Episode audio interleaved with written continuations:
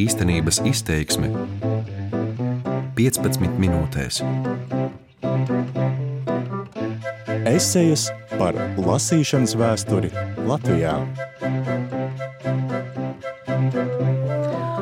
Labdien! Ar jums kopā šoreiz eh, stāstā par 19. gadsimta biblioteku mājvietām būšu es, Kristīna Zaļuma. Kā tad mēs tikām no grāmatas kapja līdz ēkai tai tālajā 19. gadsimtā? No senatnes pārmantotās tradīcijas glabāt biblioteka grāmatu krājumus atsevišķā telpā vai pat īpaši mērķim celtā ēkā arvien vairāk nostiprinājās 19. gadsimtā. Grāmatas strauji kļuva par mākslas un kultūras priekšmetu, bet lasītāji kļuva mūsdienīgi, jo literatūras saturs pamazām zaudēja reprezentatīvo un elitāro nozīmi, kas būtiska bija iepriekšējos laikmetos. Vairums lasītāji deva priekšroku lektīrai, kas nodrošināja katra sabiedrības indivīda konkrētās vajadzības, gan emocionālās, gan intelektuālās, sabiedriskās un, protams, privātās. Cilvēku lasīšanas paradums un to nostiprināšanos visciešāk ietekmēja arī tas, kādā telpā un cik ērtos un patīkamos apstākļos viņš lasīja grāmatu vai avīzi. Visos laikmetos katra konkrētā lasītāja mikrotelpa neuzkrītoši, bet neatlaidīgi ietekmējusi arī komunikācijas telpa, kas atbilstoši sabiedrības interesēm un vajadzībām bijusi gan atšķirīga. Tas noteica arī lasāmvielas apjomu un saturu katrā privātās vai sabiedriskās bibliotekas namā, arvien biežāk grāmatu krājumiem atvēlot ne tikai grāmatu skapi eh, vai plauktu, bet iekārtojot arī atsevišķas telpas. Šajā laikā īpaši novērojama divu veidu attieksme pret grāmatu. To arvien vairāk pirka, lai lasītu, rādot paraugu citiem rīkoties līdzīgi. Otra attieksme to aizvien pirka, lai noliktu labi redzamā plauktā un sajustu grāmatas īpašo tuvumu. Abās attieksmēs mēs rodam īpašnieku konkrētās telpas izjūtu, kas tieši ietekmē bibliotekas vai grāmatu skapja atrašanās vietas izvēli. 19. gadsimtā ar salonu, klubu un biedrību biblioteku lasītāju veidošanu, ko aizrautīgi iesāka 18. gadsimta nogalē, nostiprinājās pārliecība par mērķiecīgi radītu publisko telpu, kurā noteicošā loma Latvijas teritorijā bija aristokrātijai. Privāti vai kolektīvi, īpaši iekārtota telpa bibliotekas vajadzībām, un tajā izvietotais krājums kalpoja kā publiskās telpas elementi, ar tiem norādot uz interesēm un piederību sociālajai kārtai. Tomēr kluba vai salona lasītāja pretēji privātbibliotekas piepildītajai intimitātei kļuva par bezgalīgu sarunu un naktas dzīves baudīšanas vietu, kur brīvi lasīt un apspriest lasām vielu. 19. gadsimtā sabiedrisko un privātu biblioteku attīstība un to atrašanās vietas vēstīja par pakāpenisku sociālo kārdu saplūšanu, zaudējot iepriekš eh, ļoti strikti noteiktās robežlīnijas. Pieejamība krājumiem un tur atrodamo avotu studijas bija viens no šiem iemesliem. Sabiedriskās bibliotekas latviešu lasītājiem izveidoja mācītāju mūžās, skolās, privātmājās, pat baznīcās, bet retos gadījumos tās bija pat iekārtotas mūža gungu namos. 1839. gadā izveidoja pirmo sabiedrisko biblioteku latviešu lasītājiem, un tas bija Tirzas mācītāju mūžas telpās, un biblioteku dibināja Tirzas un Velēnas draudzes mācītājs Pauls Emīls Šats. Viņš grāmatas eh, apkārtnes iedzīvotājiem lasīšanai izsniedz bez maksas. Daudz vēlāk, 1848. gadā Ēdolas Lutāņu baznīcas ģērbkambarī ar Ēdolas mūžas īpašnieku Fonbēru atbalstu un jau 200 grāmatām skapī biblioteka nodibināja pazīstamais Krišjāns Valdemārs. 19. gadsimta otrajā pusē bieži ar vietējo mecenātu atbalstu telpu jautājumā un grāmatu iegādē strauji veidojās dažādu biedrību bibliotekas gan mazpilsētās, gan laukos. Slavenais bibliotekārs un bibliofils Jānis Misiņš 1880. gadā tajā pašā Tirzas pagasts skolā izveidoja biblioteku vietējiem lasītājiem, bet 1885. gadā viņš jau saņēma vidzemes gubernatora atļauju atvērt publisku biblioteku savās mājās Krācēs. Tās krājumā sākotnēji bija tikai ap 500 grāmatu. Krišāns eh, Valdemārs 882. gada 15. martā misiņam no Maskavas raksta šādus vārdus, citādi sākums. Jūs iesākuši grāmatu krātuviņu ietaisīt, tādā pašā vīzē, kā tas jau sen laikiem pastāv dažās baznīcas kungu mūžās un skolās. Citāta beigas.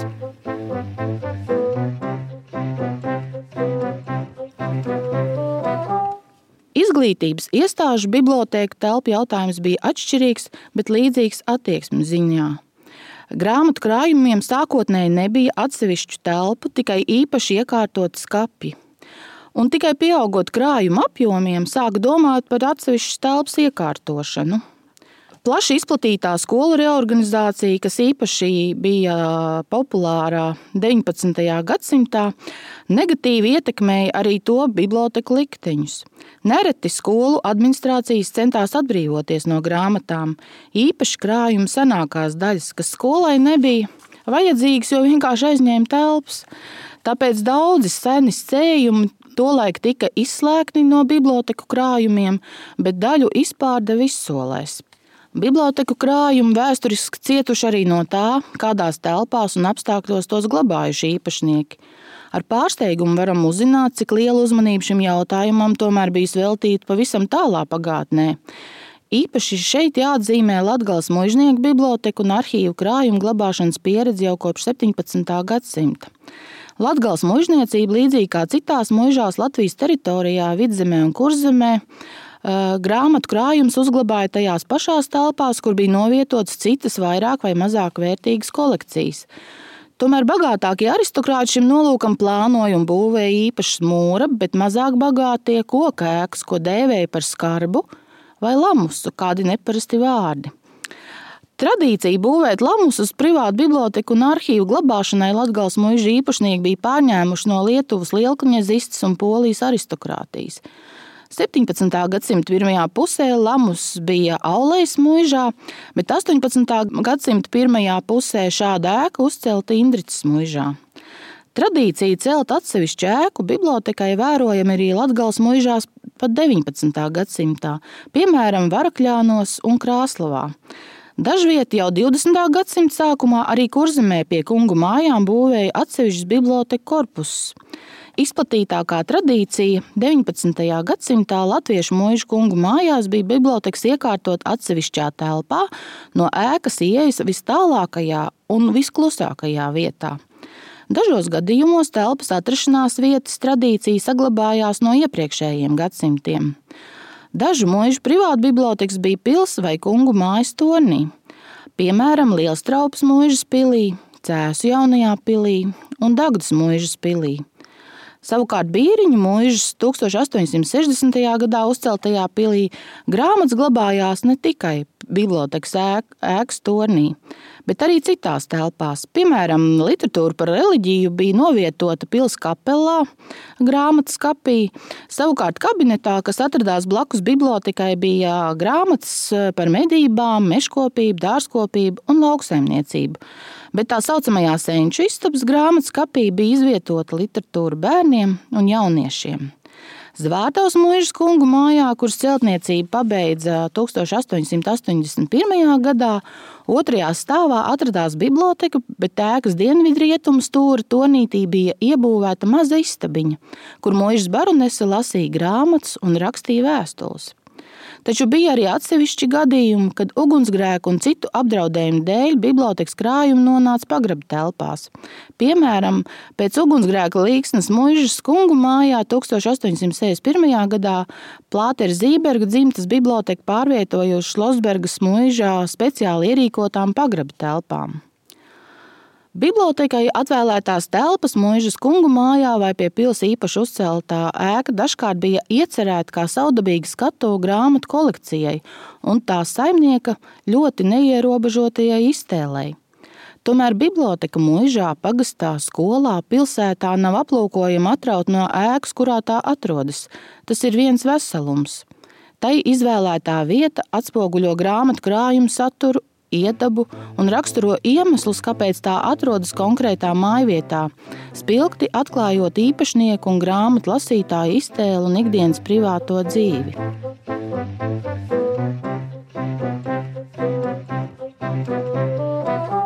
Tagad turpinām par telpu interjeru un vidi lasīšanai. 19. gadsimta bibliotekas interjera ieraugāmi, aplūkojot senas fotogrāfijas, zīmējums, kā arī to ietvaru spilgti varam iztēloties, lasot acu liecinieku atmiņas par lasīšanai un grāmatu glabāšanai iekārtotām telpām. Kādā namā 19. gadsimtā veidot biblioteku spēja tā iedzīvotājiem atklāt plas, pasaules plašums, kas kļuva tuvi un sasniedzami ar grāmatu palīdzību, pat neizejot no mājvietas. Tieši gadsimta nogalē parādījās neaprakstām vēlme mājas vidi savienot ar ļoti plašo pasauli. Galvenokārt to rosināja tehnikas attīstība, telefoni, elektrības, fotografijas izgudrošana, kas strauji ietekmēja un mainīja lasīšanas paradumus. Lasīt ērtā klubkrēslā patiešām īpaši iekārtotā telpā bija pilnīgi jauns pasaules izzināšanas veids, un pasaule kļuva pavisam tāda nu, ļoti nolasāma. Vispilgtāk bibliotekas interjeri redzami Latvijas mūža kungu mājās, kas 19. gadsimta sākumā ieguva eiropeiskus vaipstus, spilgtāko uzplaukumu sasniedzot gadsimta otrajā pusē un beigās. Virknē mūžu kungu māju biblioteka telpās visbiežāk neatņemama interjera sastāvdaļa bija kamīns, kā arī historismu laikmetam atbilstošs mēbeles. Mājās speciāli biblioteka telpās dažkārt iepirkt tādas sēdmēbeles, piemēram, tādus krēslus ar paaugstinātu atzveltni, ar galvas augstumā izvietotiem liektiem formas sānu izvirzījumiem, kuros bija ļoti ērti lasīt un pārlapot laikrakstus. Tā bija īpaša sajūta. Mūža kungu mājās līdzās bibliotekām un īpašām grāmatu kolekcijām telpās nereti izvietoja ar lielu rūpību veidotas mākslas darbu kolekcijas, lai nepārprotami tuvinātos vēstures notikumiem un personām, kas tos virzījuši. Tādējādi ar grāmatu un mākslas darbu palīdzību konkrētās telpās sniedza baudu acīm un pamudināja paveikt labus un cienījumus darbus. Bet būtiskākais tas kalpoja kā izpētes avots jaunatnē, neuzkrītoši sasniedzot eh, mākslas un vēstures izpētes didaktiskos un morālos mērķus.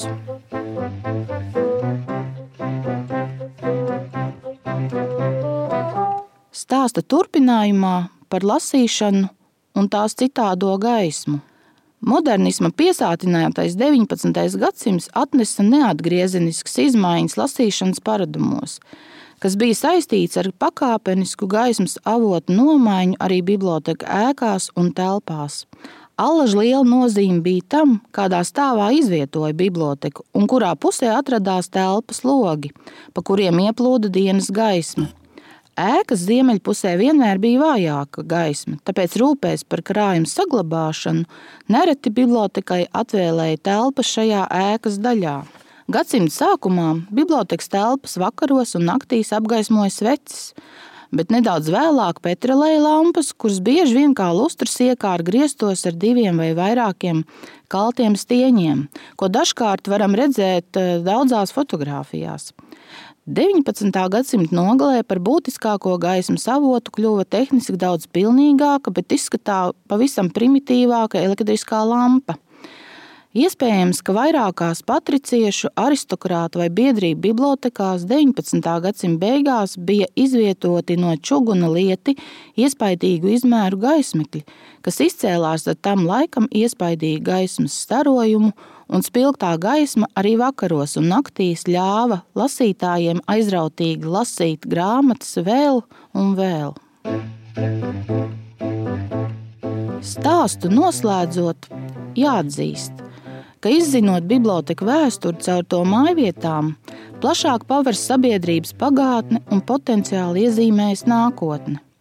Kādu vērtību iegūst katra grāmata bibliotekas vēsturiskajā kolekcijā, kad izzinām, kā, kad un kur tā tapusi, ar kādu nolūku un kāpēc atradusies konkrētā vietā, ēkā, telpā, grāmatu plauktā un bijusi noteikts personas ievērot un vairākās paudzēs lasīt, Kaut vai kaltēti ziedi starp grāmatu lapām, ko dažkārt eh, atrodu ikdienas darbā, iegūst pavisam citu nokrāsu un nozīmīgu brīdi, kad grāmatu no jauna atver citi lasītāji.